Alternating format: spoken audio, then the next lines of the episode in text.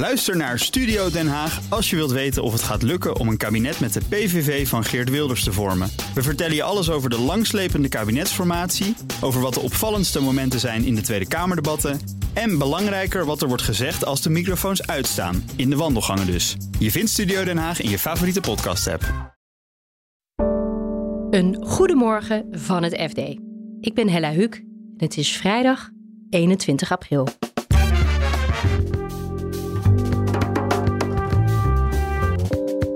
De nieuwe CEO van de Rabobank gaat niet betalen voor de stikstofcrisis.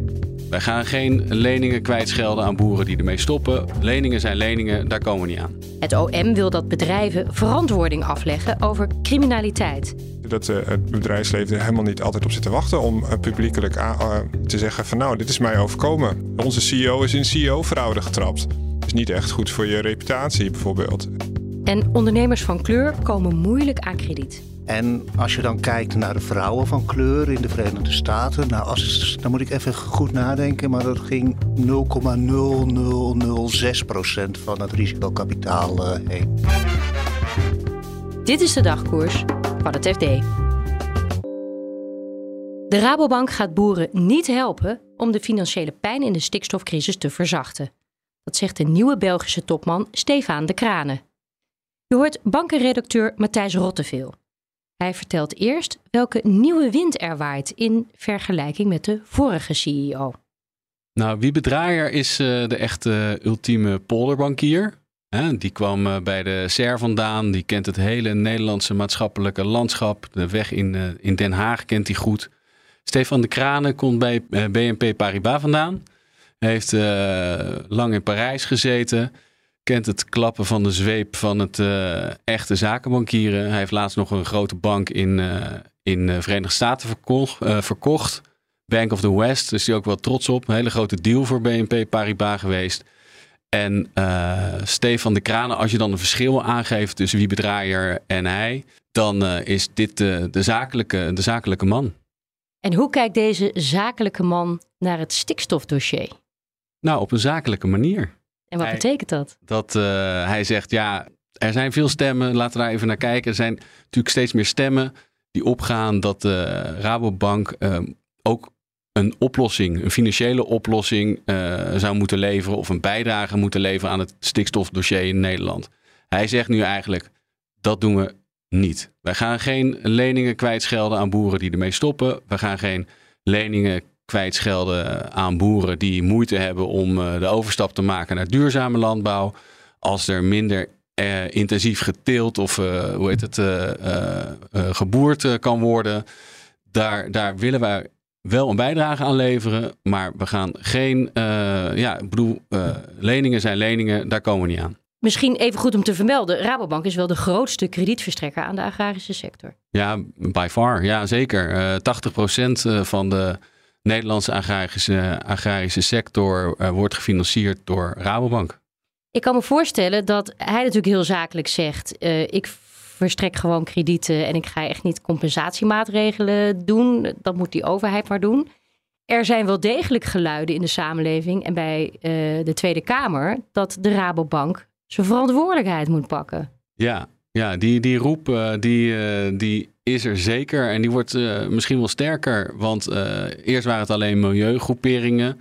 Greenpeace bijvoorbeeld en Milieudefensie die dan zeggen van ja, kijk, jullie hebben heel erg meegeholpen om die sector te laten groeien, blijven investeren. En dat heeft jullie veel geld opgeleverd. Nu gaat het geld kosten. Moet je ook je bijdrage gaan leveren. Ja, er kwamen er stemmen in de Tweede Kamer. Uh, GroenLinks zegt, nou oké, uh, misschien moet je die leningen die jullie aan de boeren hebben gedaan, die nu in de problemen komen, niet afschrijven, maar misschien gedeeltelijk afschrijven.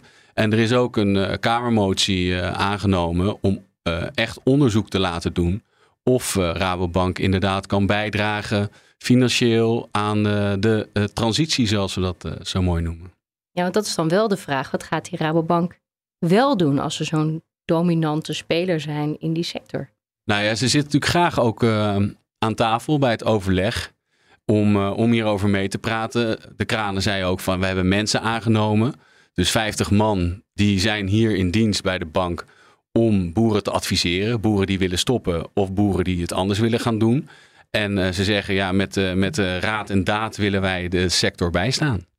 Het kan natuurlijk zijn dat de Rabobank juridisch gelijk heeft.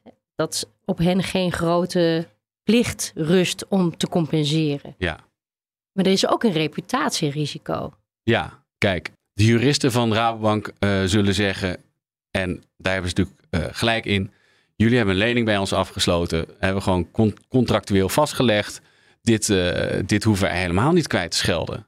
En dan is aan de andere kant natuurlijk ook de verhalen die de marketingafdeling van Rabobank vertelt. Van, dan hebben we het over growing a better world together. We zijn een coöperatieve bank. Ik had laatst het, uh, het jaarverslag nog eens doorgenomen. Er staan volgens mij 150 keer coöperatief in. En kijk, de juristen hebben gelijk. Maar aan de andere kant heb je ook de, de afdeling die uh, de bank probeert te verkopen. En als je het dan hebt over coöperatief, dan uh, ja, is dat en growing a better world together, dan is dat een beetje moeilijk te rijmen met deze harde opstelling misschien. Het Openbaar Ministerie wil met het bedrijfsleven samenwerken om criminaliteit aan te pakken. En dat terwijl het OM tegelijkertijd bedrijven op de huid zit en flinke boetes uitdeelt aan bijvoorbeeld banken. Redacteur zakelijke dienstverlening Edwin van der Schoot was dan ook verbaasd toen hij werd uitgenodigd voor een dubbel interview met de OM-baas en de hoogste lobbyist van werkgeversorganisatie VNO-NCW. We kregen dit interview aangeboden. Dan worden we altijd een beetje argwanend in de zin van, uh, nou, voor welk karretje worden we hier gespannen? En, en, wij vonden dit ook inderdaad helemaal geen logisch duo. Maar goed, het was op hun uh, initiatief van hen om dit, uh, dit interview te doen. Ja, het is al een beetje. Dus we hebben ons ook wel goed proberen voor te bereiden. En naar mensen gevraagd: wat vinden jullie ervan? En een van de dingen die we terugkregen was ook wel dat iemand zei: ja, nou dan ga je met de jager en de prooi aan tafel zitten, toch? Want uh, nou, het OM is de jager en het bedrijfsleven is de prooi. Want schets mij even die relatie tussen die twee. Hoe, hoe, hoe vaak zijn ze elkaar de afgelopen jaren tegengekomen? In wat voor zaken? Nee, niet zo heel erg veel. Want dit zijn dus twee mannen die toevallig allebei 63 zijn. Toevallig allebei afzwaaien. En ook al jaren in Den Haag rondlopen. Uh, een kantoor hebben wat op 300 meter afstand van elkaar staat. Maar uh, eigenlijk elkaar pas een paar jaar geleden hebben leren kennen. Omdat het OM toch een soort strategie uh, is gaan voeren om zoveel mogelijk samen te werken. Ook met het bedrijfsleven om maar zoveel mogelijk ja, boeven te kunnen vangen. Ja, het OM heeft wel een beetje kritiek op het bedrijfsleven. Te zeggen, bedrijfsleven zou zelf veel meer de handschoen moeten oppakken om criminaliteit tegen te gaan. Ja, nou, dat is in, in, de, in, de, in de perceptie van deze meneer Van den Burger van, van het OM is het zo dat uh, in Nederland best wel een uitdaging heeft als het gaat om het bestrijden van de zware georganiseerde criminaliteit. Die, die ook steeds meer uh, digitaal plaatsvindt. Hè. Cybercrime, uh, af, afpersing, ransomware, al die dingen. En hij zegt van ja, de politie eh, is zich daar heel erg bewust van. Het Openbaar Ministerie is daar heel erg van bewust. De minister van Justitie is er zich daarvan bewust. Maar de rest van Nederland uh, die lijkt het niet helemaal als zijn of haar verantwoordelijkheid te zien. En ook het bedrijfsleven niet. En dat, uh, dat uh, zou goed zijn als dat bedrijfsleven dat wel veel meer doet. Dus hij doet echt een beroep op het bedrijfsleven om een soort van, zoals hij dat ziet, zijn verantwoordelijkheid te nemen. En kleurt hij dat ook een beetje in? Wat verwacht hij dan precies van ja. het bedrijfsleven? Nou, het liefste ziet hij dat als jij een bedrijf hebt, als je ergens door gedupeerd wordt, of dat je overal aangifte van doet. Wat in de praktijk natuurlijk lang niet altijd gebeurt. Maar ook dat je heel minutieus erover nadenkt. Hoe maak ik mijn bedrijf, zo weerbaar mogelijk? Hè? Hoe hou ik, een beetje simpele beeldspraak, maar hoe hou ik de deur op slot? Maar ook, zij, hij heeft ook een pleidooi van nou, ga maar in je duurzaamheidsverslag of in je jaarverslag, ga maar eens verantwoorden wat je allemaal doet om te voorkomen dat jouw werknemers op een of andere manier in de greep van uh, georganiseerde criminaliteit komen. Dat jouw bedrijf of, of, of, of bijvoorbeeld jouw bank een, een instrument wordt voor de georganiseerde criminaliteit.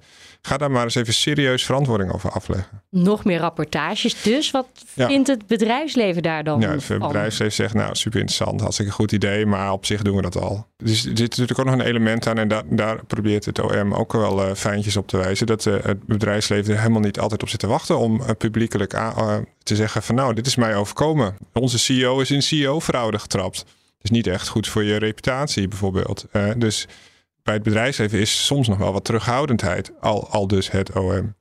Denk je dan dat het OM gehoor heeft gevonden bij VNO-NCW met dit kritiekpunt? Of uh, werd er fel op gereageerd. Kijk, dit is de boodschap die, die dan zo'n interview moet afgeven. En interessant in zo'n dubbel interview is dan de positie van de directeur van VNO-NCW, die Kees Oudshoorn die dus eigenlijk een beetje, zoals ik het zie, tussen twee vuren zit. Aan de ene kant heb je dat OM, wat graag ehm, niet geheel vrijblijvend met hem wil samenwerken. En aan de andere kant zit zijn achterban, waar gewoon uh, mensen zijn die zeggen: ja.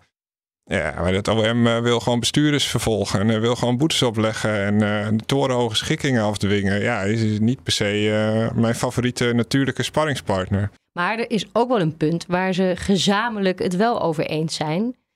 het recht op privacy, wat, wat ook wel belemmerend werkt om boeven op te pakken. Om het nee, maar dat klopt. Soms vinden ze elkaar natuurlijk wel. En een, in een van die dingen is het, zeg maar, dat het bedrijfsleven wil graag, mensen wil graag dat aangiftes doen, dat het allemaal wat makkelijker wordt, dat het allemaal digitaal kan, maar eh, dat je ook meer met data kunt doen. Je kunt het ook omdraaien. En hoe meer mogelijkheden om een, bijvoorbeeld een zwarte lijst op te stellen van mensen met uh, een, uh, iets op een kerfstok, zodat je weet dat je ze niet moet aannemen. Met, of met klanten waar je dan niet mee in zee moet gaan. Maar dat ligt privacy technisch allemaal heel erg gevoelig. Uh, maar in de, ja, in de perceptie van VNO-NCW is dat dan weer... Ja, wat vinden wij belangrijker? De privacy van de boef of uh, de maatschappelijke veiligheid? Of nou ja, misschien in hun situatie meer de veiligheid van de bankrekening van hun achterban. Het is tegenwoordig voor elke MKB'er lastig om aan financiering te komen. Maar ondernemers van kleur hebben het extra lastig. MKB-redacteur Frits Konijn vertelt waar zij tegenaan lopen. Dat ze vaak eh, veel moeite hebben om aan krediet te komen. Dat ze worden geconfronteerd met eisen, vragen uh, die, waarvan zij het gevoel hebben dat die niet aan witte ondernemers uh, worden gesteld.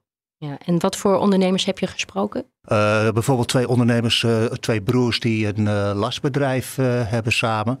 Nou ja, dat is natuurlijk gouden business op het moment. Ik bedoel, de maakindustrie, dus dat wil wel. werk voor het leven, zoals ze zelf zeggen. En ook zij hebben, nou, zij hebben geld nodig voor een nieuw bedrijfspand. ze willen graag uitbreiden. En dat komt er gewoon niet. En dan wordt er natuurlijk nooit letterlijk gezegd: uh, je hebt een Turkse achternaam, je krijgt dit krediet niet. Dat is heel moeilijk hard te maken. Ja, de, de, die, of dat echt zo hard is, dat denk ik ook niet. Ik denk dat het vaak meer gaat om onbegrip, niet aansluiten, elkaar niet begrijpen. En dat vinden die ondernemers zelf trouwens ook hoor. Die, die gebruiken zelf ook het liefst uh, dat soort termen. Want zijn er iets van cijfers die kunnen duiden hoe lastig deze ondernemers het hebben? Dat, dat is heel ingewikkeld in Nederland in ieder geval, want we mogen niet registreren op nationaliteit, kleur, nou, hoe je het ook wilt noemen. Er zijn wel wat cijfers uh, uit uh, het Verenigd Koninkrijk. Uh, daar is 70% van de mensen behoort daar tot een etnische minderheid. Toch ging tussen 2009 en 2019 slechts 1,6% van het risico, risicokapitaal naar ondernemers van kleur. En als je dan kijkt naar de vrouwen van kleur in de Verenigde Staten, nou, als, dan moet ik even goed nadenken, maar dat ging 0,0006% van het risicokapitaal uh, heen.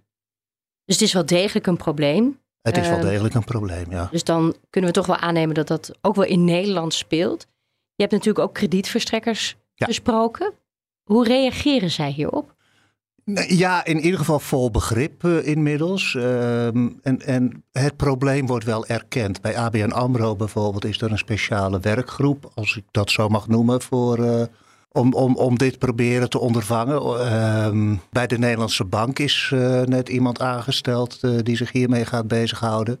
Dus het, het, het, het valt niet in dorre aarde als je met deze vraag aankomt. Dat hoeft natuurlijk niet altijd kwade opzet te zijn. Misschien begrijp je elkaar cultureel misschien ook niet goed. Dat is in ieder geval onderdeel van het probleem, ja. Eh, er was een, voorstel, een, een voorbeeld van uh, een ondernemer die uh, met, met haarproducten in, de, in de gang wil, aan de gang wilde voor gekleurde mensen. Ja, en die zat tegenover een witte kredietbeoordelaar.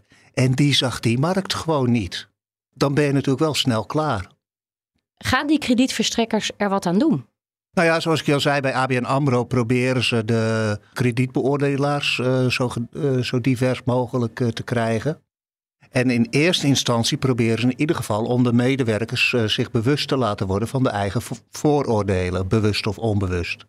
Op het moment dat die aan de oppervlakte komen, ja, dan is er natuurlijk iets aan te doen.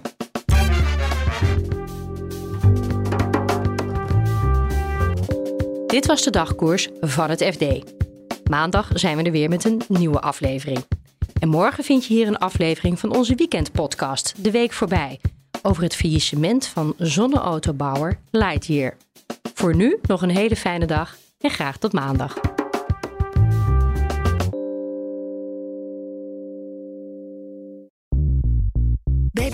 Ben je altijd als eerste op de hoogte van het laatste nieuws. Luister dagelijks live via internet. Bas van Werven. En heel langzaam komt de zon op rond dit tijdstip. Je krijgt inzicht in de dag die komt op BNR, het Binnenhof in Nederland en de rest van de wereld. De Ochtendspits. Voor de beste start van je werkdag. Blijf scherp en mis niets.